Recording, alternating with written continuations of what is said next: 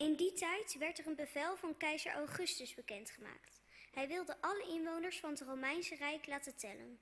Het was de eerste keer dat dit gebeurde. Het was in de tijd dat Quirinius de provincie Syrië bestuurde. Iedereen moest geteld worden in de plaats waar zijn familie vandaan kwam. Daarom gingen alle mensen op reis. Ook Jozef moest op reis. Hij ging van Nazareth in Galilea naar Bethlehem in Judea, want hij kwam uit de familie van David en David kwam uit Bethlehem. Maria zou met Jozef gaan trouwen en ze was zwanger. Toen Jozef en Maria in Bethlehem waren, werd het kind geboren. Het was Maria's eerste kind, een jongen. Maria wikkelde hem in een doek en legde hem in de voerbak voor de dieren, want er was voor hen nergens plaats om te slapen. Die nacht waren er herders in de buurt van Bethlehem. Ze pasten buiten op hun schapen. Opeens stond er een engel tussen de herders. En het licht van God straalde om hen heen. De herders waren bang, maar de engel zei: Jullie hoeven niet bang te zijn, want ik breng jullie goed nieuws. Het hele volk zal daar blij mee zijn. Vandaag is jullie redder geboren, Christus, de Heer. Hij is geboren in Bethlehem, de stad van David. En zo kunnen jullie hem herkennen. Het kind ligt in een voerbak en is in een doek gewikkeld. En plotseling was, er bij de engel een, heel groep, een hele groep engelen. Ze eerden God en zeiden: Alle eer aan God in de hemel en vrede op aarde voor de mensen van wie God houdt. Daarna gingen de engelen terug naar de hemel. De herders zeiden tegen elkaar: Kom, we gaan naar Bethlehem, want God heeft ons verteld wat er gebeurd is. Laten we gaan kijken. Ze gingen meteen naar Bethlehem. Daar vonden ze Maria en Jozef. En in een voerbak lag het kind. Toen de het kind zagen, vertelden ze wat de engel over hem gezegd had. Iedereen die het hoorde, was er verbaasd over het verhaal van de herders. Maria probeerde te begrijpen wat het betekende. Ze bleef nadenken over wat de herders gezegd hadden. De herders gingen terug naar hun schapen. Ze eerden God en dankten hem voor alles wat ze gezien en gehoord hadden, want alles was precies zoals de engel gezegd had. Een week later werd het kind besneden. Maria en Jozef noemden hem Jezus. Dat was de naam die de engel genoemd had, nog voordat Maria zwanger was.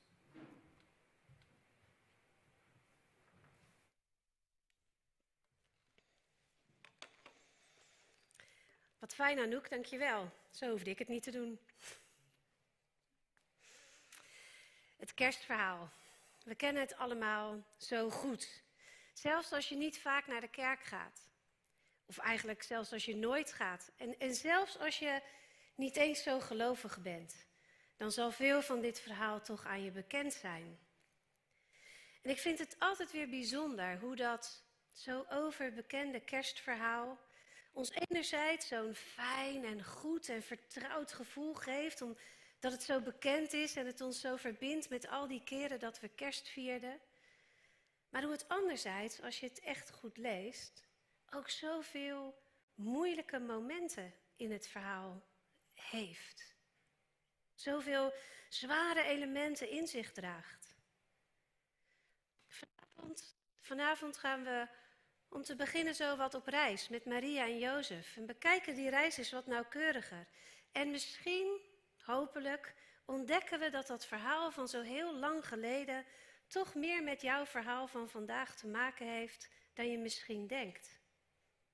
Dat er overeenkomsten zijn tussen wat jou overkwam, of wat hen overkwam en wat jou vandaag de dag overkomt. Hoe onwaarschijnlijk dat ook mag klinken.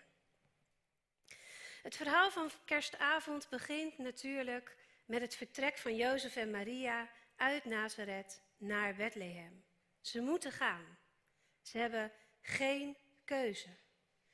De Romeinse keizer, of de overheid zo je wilt, heeft de opdracht gegeven dat alle mensen zich moeten laten vaccineren. Nee, sorry. Zo letterlijk is de overeenkomst nou ook weer niet. Moeten laten registreren. Maar goed, Jozef moet doen wat hij moet doen. Anders hangt er een straf boven zijn hoofd. En ze zijn natuurlijk niet de enige. Iedereen moet op reis, staat er in de Bijbel. Of in ieder geval iedereen die naar die afkomstig is uit een andere plek en zich daar moet laten registreren. Maar die zijn niet allemaal zwanger. Voor Maria is het natuurlijk eigenlijk geen doen. Stel je eens voor, de laatste weken van een zwangerschap. Je hebt plannen gemaakt voor de toekomst en dan behoorlijk onverwacht moet je alles achter je laten. Wat een super slechte timing. Ik bedoel, dit is geen laatste vakantie met z'n tweetjes, zoals zoveel stellen tegenwoordig doen. Nog even genieten van de rust samen en van elkaar. Nee, Maria loopt in de laatste weken of misschien zelfs wel laatste dagen van haar zwangerschap. Dan wil je thuis zijn, bij je familie, nestelen, zoals dat ook wel genoemd wordt. Alles voorbereiden op de komst van dat kindje. En uitrusten ook voor die bevalling die voor de deur staat. Dan wil je echt geen lange voetreis of reis op een ezeltje gaan maken. Daar heb je echt geen zin in. Geen puf en het moet toch. Nou, laten we dan maar eens meteen kijken wat we dan al met Jozef en Maria gemeen hebben. Ook als je niet zwanger bent of nooit bent geweest.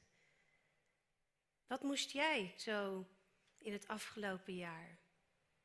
Of in de afgelopen tijd misschien wel. Wat, wat moest jij doen waar je geen zin in had? Of geen puff voor had? Wat wilde je niet, maar moest je toch? Dat was misschien ook wel slechte timing. Als je daar zo over nadenkt, komt er dan misschien iets in je op? Of nou, misschien is het in deze tijd eigenlijk wel juist net andersom. Je wilt iets wel, maar het mag niet. Daar hebben we allemaal wel mee te maken op dit ogenblik, denk ik.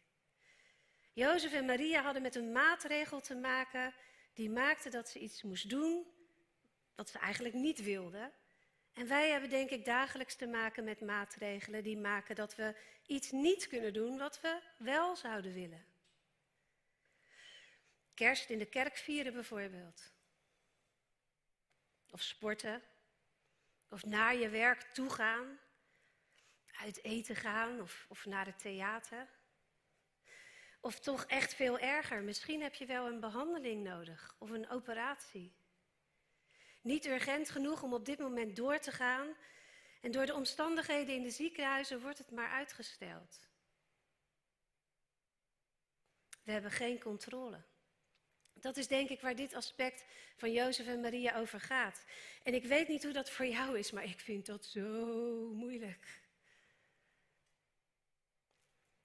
Ik denk trouwens wel dat Jozef en Maria het daarmee misschien iets makkelijker hadden dan wij.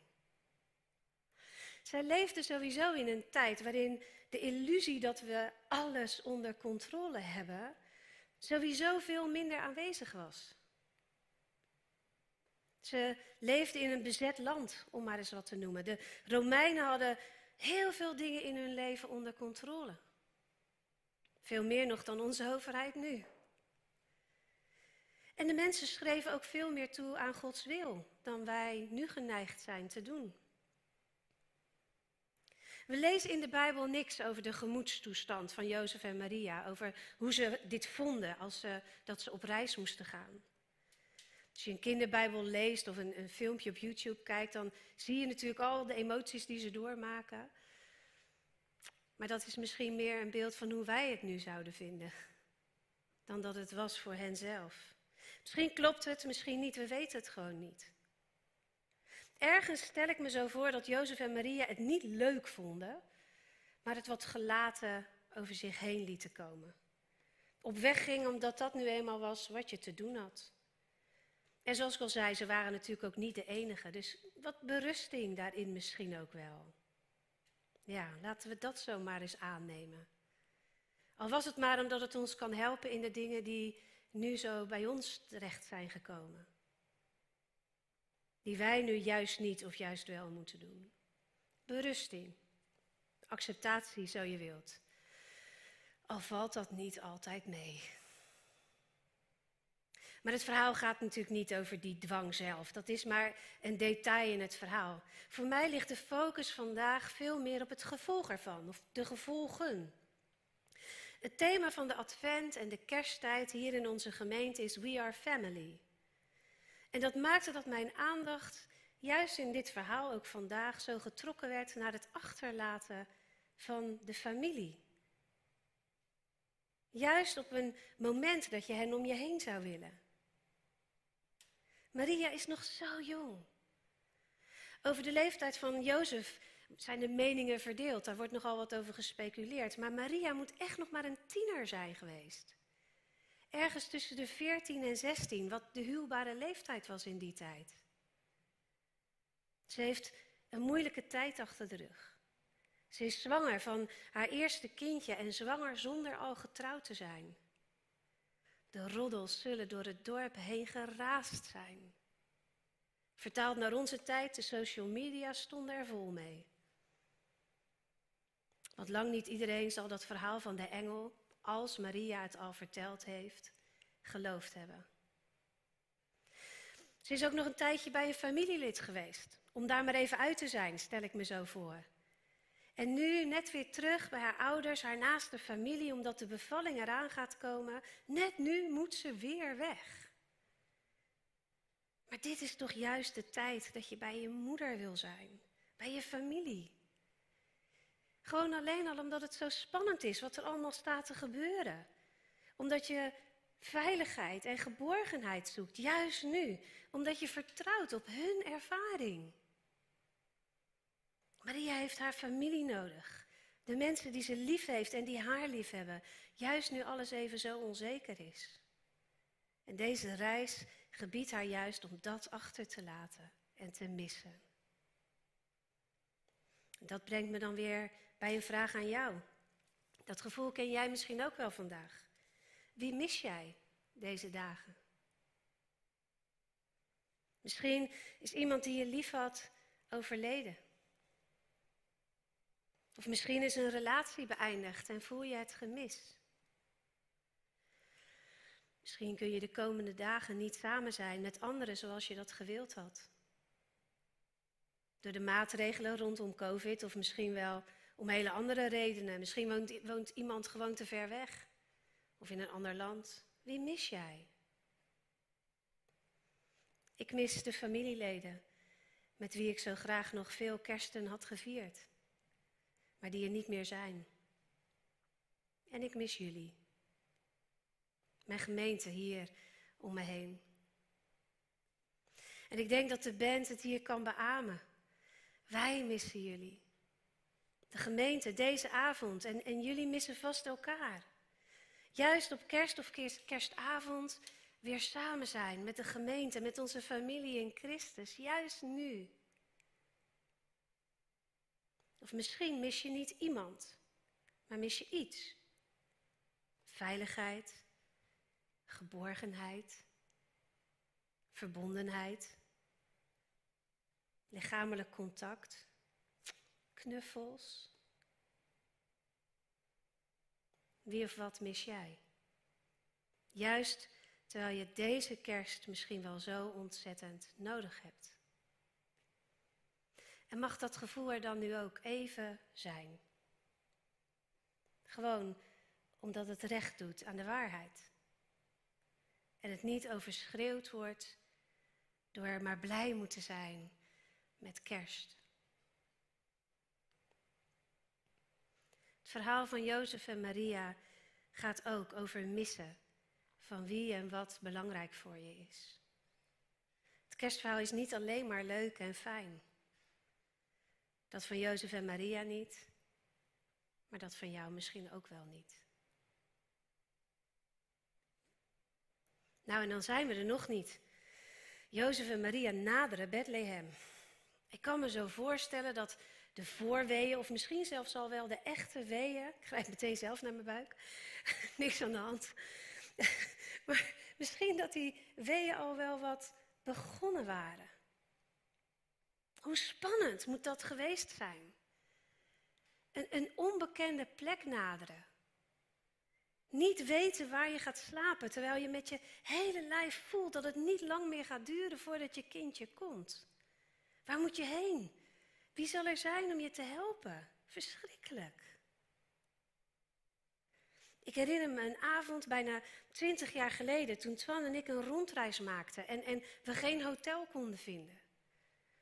er, was, er was of geen plek, of het was veel te duur.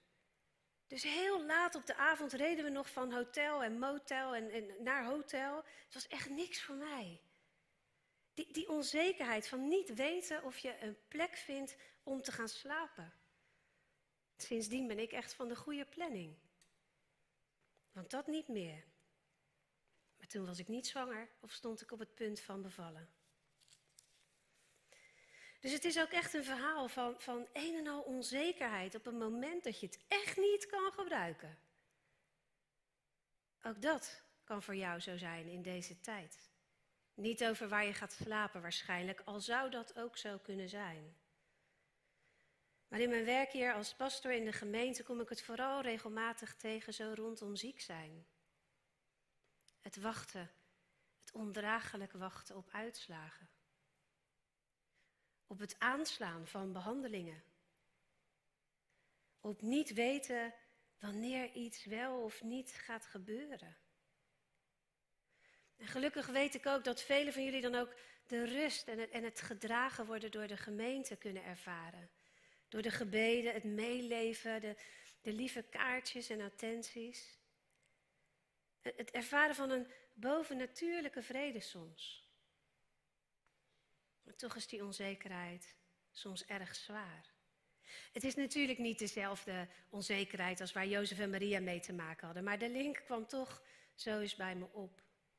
En niet weten als het belang zo groot is. En dan tot slot, dan loop ik vast, zoals we vanavond vaker doen, op de zaken vooruit. Dan is daar de bevalling. En ik weet één ding zeker. Voor Maria was het geen stille nacht. Maar ik zou willen dat de Bijbel ons toch wat meer over die nacht zou vertellen. Ik weet wel dat het voor het grote verhaal van God en de wereld vast allemaal niet zo belangrijk is, maar er blijven zoveel gewone vragen bij mij opkomen als ik dit verhaal lees. In de context van vandaag rijst bij mij vooral de vraag naar wie er bij haar was. We lezen alleen maar over Jozef en, en misschien wat dieren. Maar het was in die tijd echt ondenkbaar dat Jozef degene zou zijn die haar zou helpen bij de bevalling. Dat deden mannen echt niet.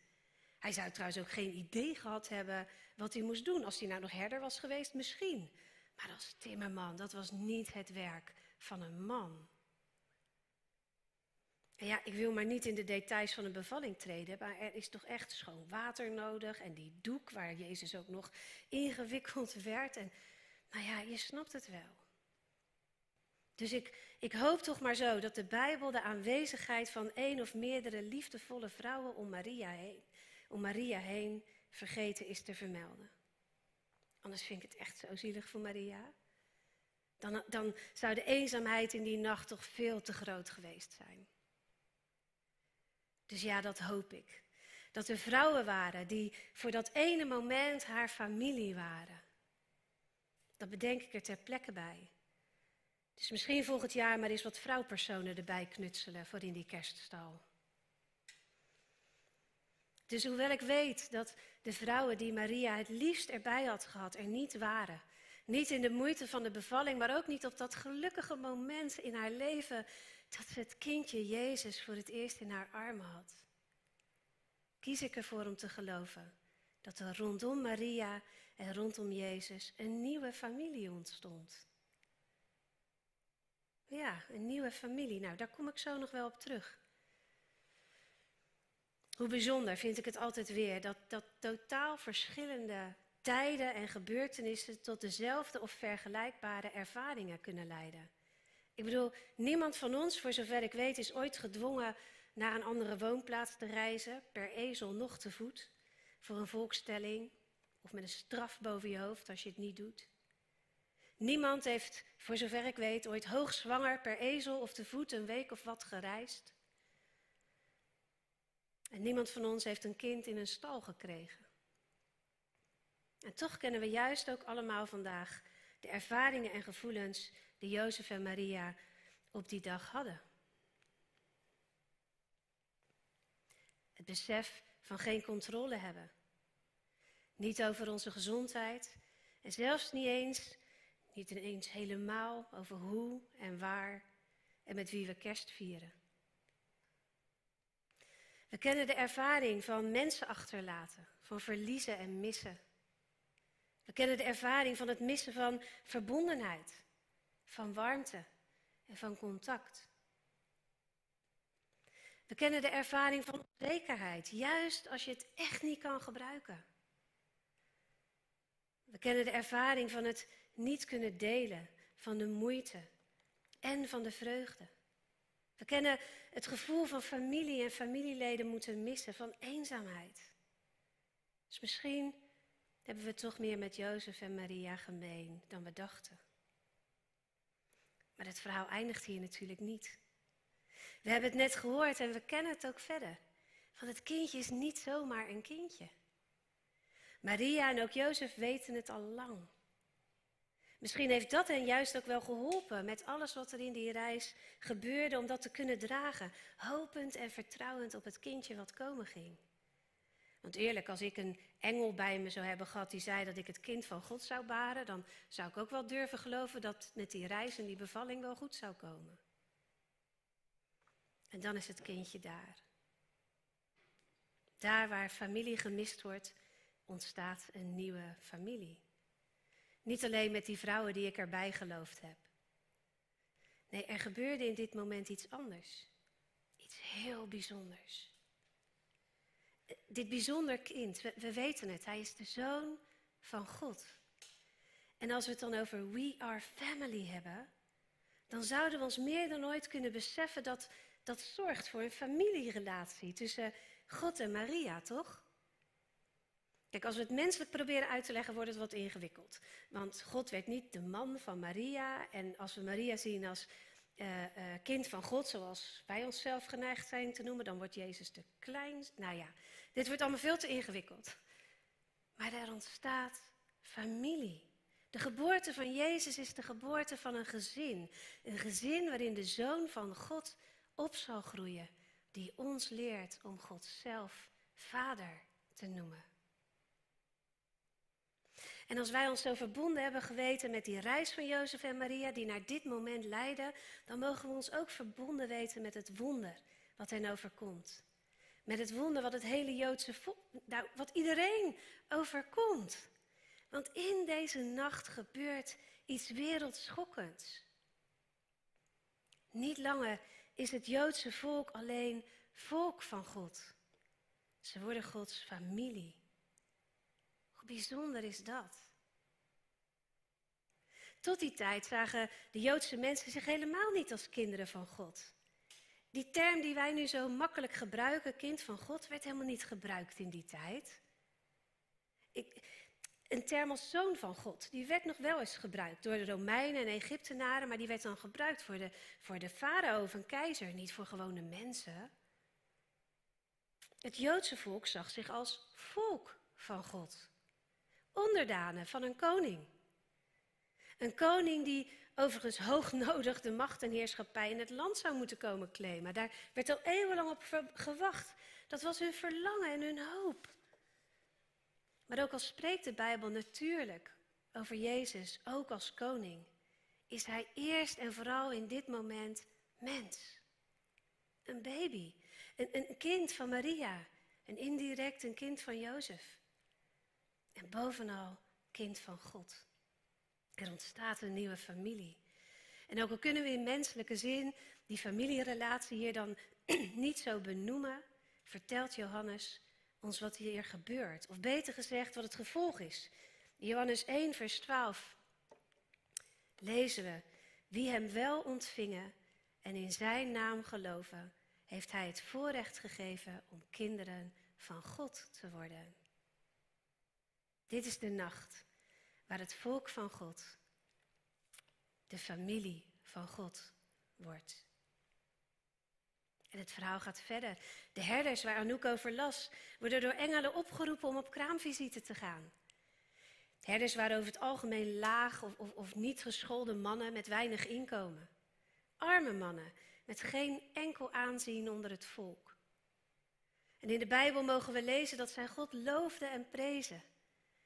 Ik ga er dus vanuit dat zij Jezus ontvingen en in zijn naam gingen geloven. Zo werden zij kinderen van God. Familie van Jozef en Maria en van Jezus. En niet alleen de laagst geplaatsten kwamen op bezoek. In het evangelie volgens Matthäus lezen we over de drie magiërs of koningen of wijzen, wat het dan ook waren. Het waren hooggeplaatste mannen en heidenen. Geen onderdanen van het Joodse volk. Mensen van buiten het volk van God. Die hoorden er sowieso voor deze avond helemaal niet bij. Maar ook zij kwamen om Hem te eren.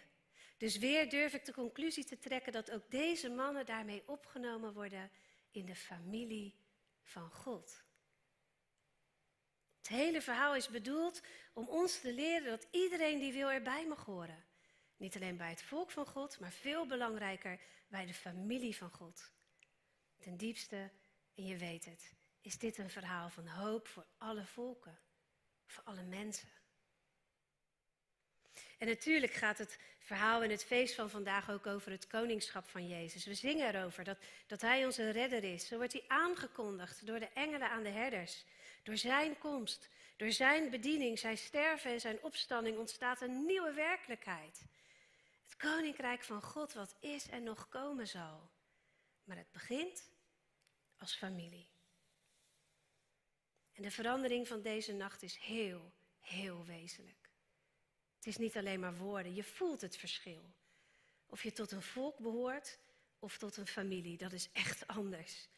Hoe leuk we het ook kunnen vinden om ons aan te sluiten bij een oranje legioen rondom sportwedstrijden of Koningsdag, het is toch iets heel anders dan de intimiteit, de verbondenheid en de liefde in een familie. En het deed en, en doet ook werkelijk iets met onze relatie met God, met ons geloofsleven. Als God koning en heerser is in je leven, dan, dan, geeft dat wellicht vertrouwen omdat Hij machtig is. En, en het geeft je hoop voor de toekomst. En misschien helpt het je ook om de ellende van de wereld niet steeds in je mee te dragen. Dat is goed en dat is fijn. Maar misschien maakt het ook dat er altijd iets van spanning is. Zeker als je opgegroeid bent in wat we geneigd zijn de wat zwaardere kerken te noemen. Dan is er vaak nog zo'n half onbewust gevoel van, ben ik ooit goed genoeg? Doe ik het ooit goed genoeg? Is God toch niet boos op mij als ik iets fout doe? Ik ken het bij sommigen van jullie. Ik hoor ervan. Hoe lang je hier ook in de kerk zit, ergens liggen die gedachten en gevoelens toch vaak op de loer. Ik hoop dat je dan in het wonder van deze nacht rust mag vinden, omdat dit verhaal je leert dat je niet meer Gods onderdaan bent, maar zijn familie. Kijk, een koning maakt wetten en aan wetten heb je je te houden. Als je dat niet doet, dan verschijn je voor een rechter en dan kijkt hij misschien nog naar wat verzachtende omstandigheden. Maar in de kern gaat het erom dat als je schuldig bent, dat er iets van straf volgt vergelding en in het beste geval daarna verzoening. Maar zo gaat het in een liefdevol gezin niet. In een gezin zijn er ook regels natuurlijk, maar als je fouten maakt, dan verschijn je niet voor een rechter. Soms gaat het wel om straf, wat we dan als ouders liever consequenties noemen. Maar het gaat zeker niet om vergelding of genoegdoening. Dat is het doel van die consequenties niet. Het doel is dat je ervan leert. En dat je leert waarom het belangrijk is om het anders te gaan doen. Fouten maken in een liefdevol gezin mag gewoon. In de meeste gevallen is er al vergeving voordat je erom gevraagd hebt.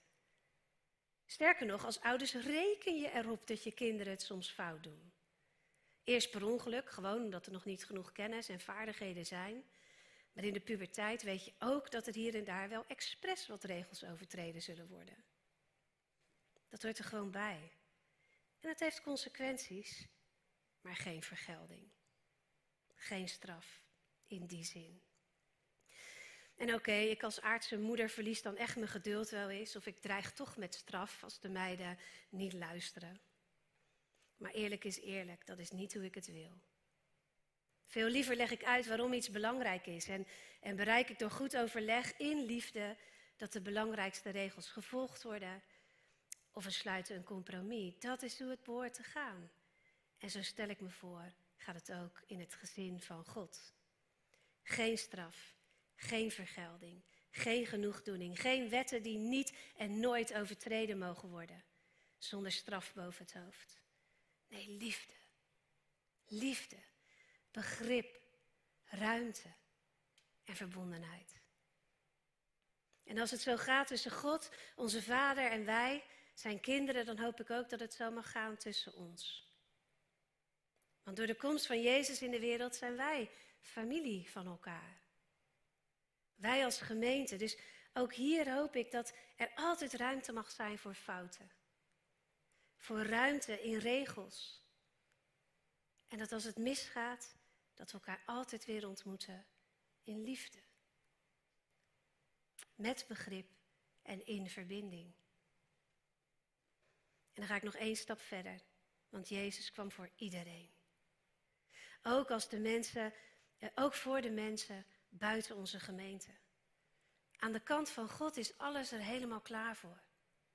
Iedereen mag tot zijn familie behoren. Je hoeft er alleen maar ja op te zeggen. Of met de woorden van Johannes, Jezus te ontvangen en in zijn naam te geloven. Dus laten we het goede voorbeeld geven.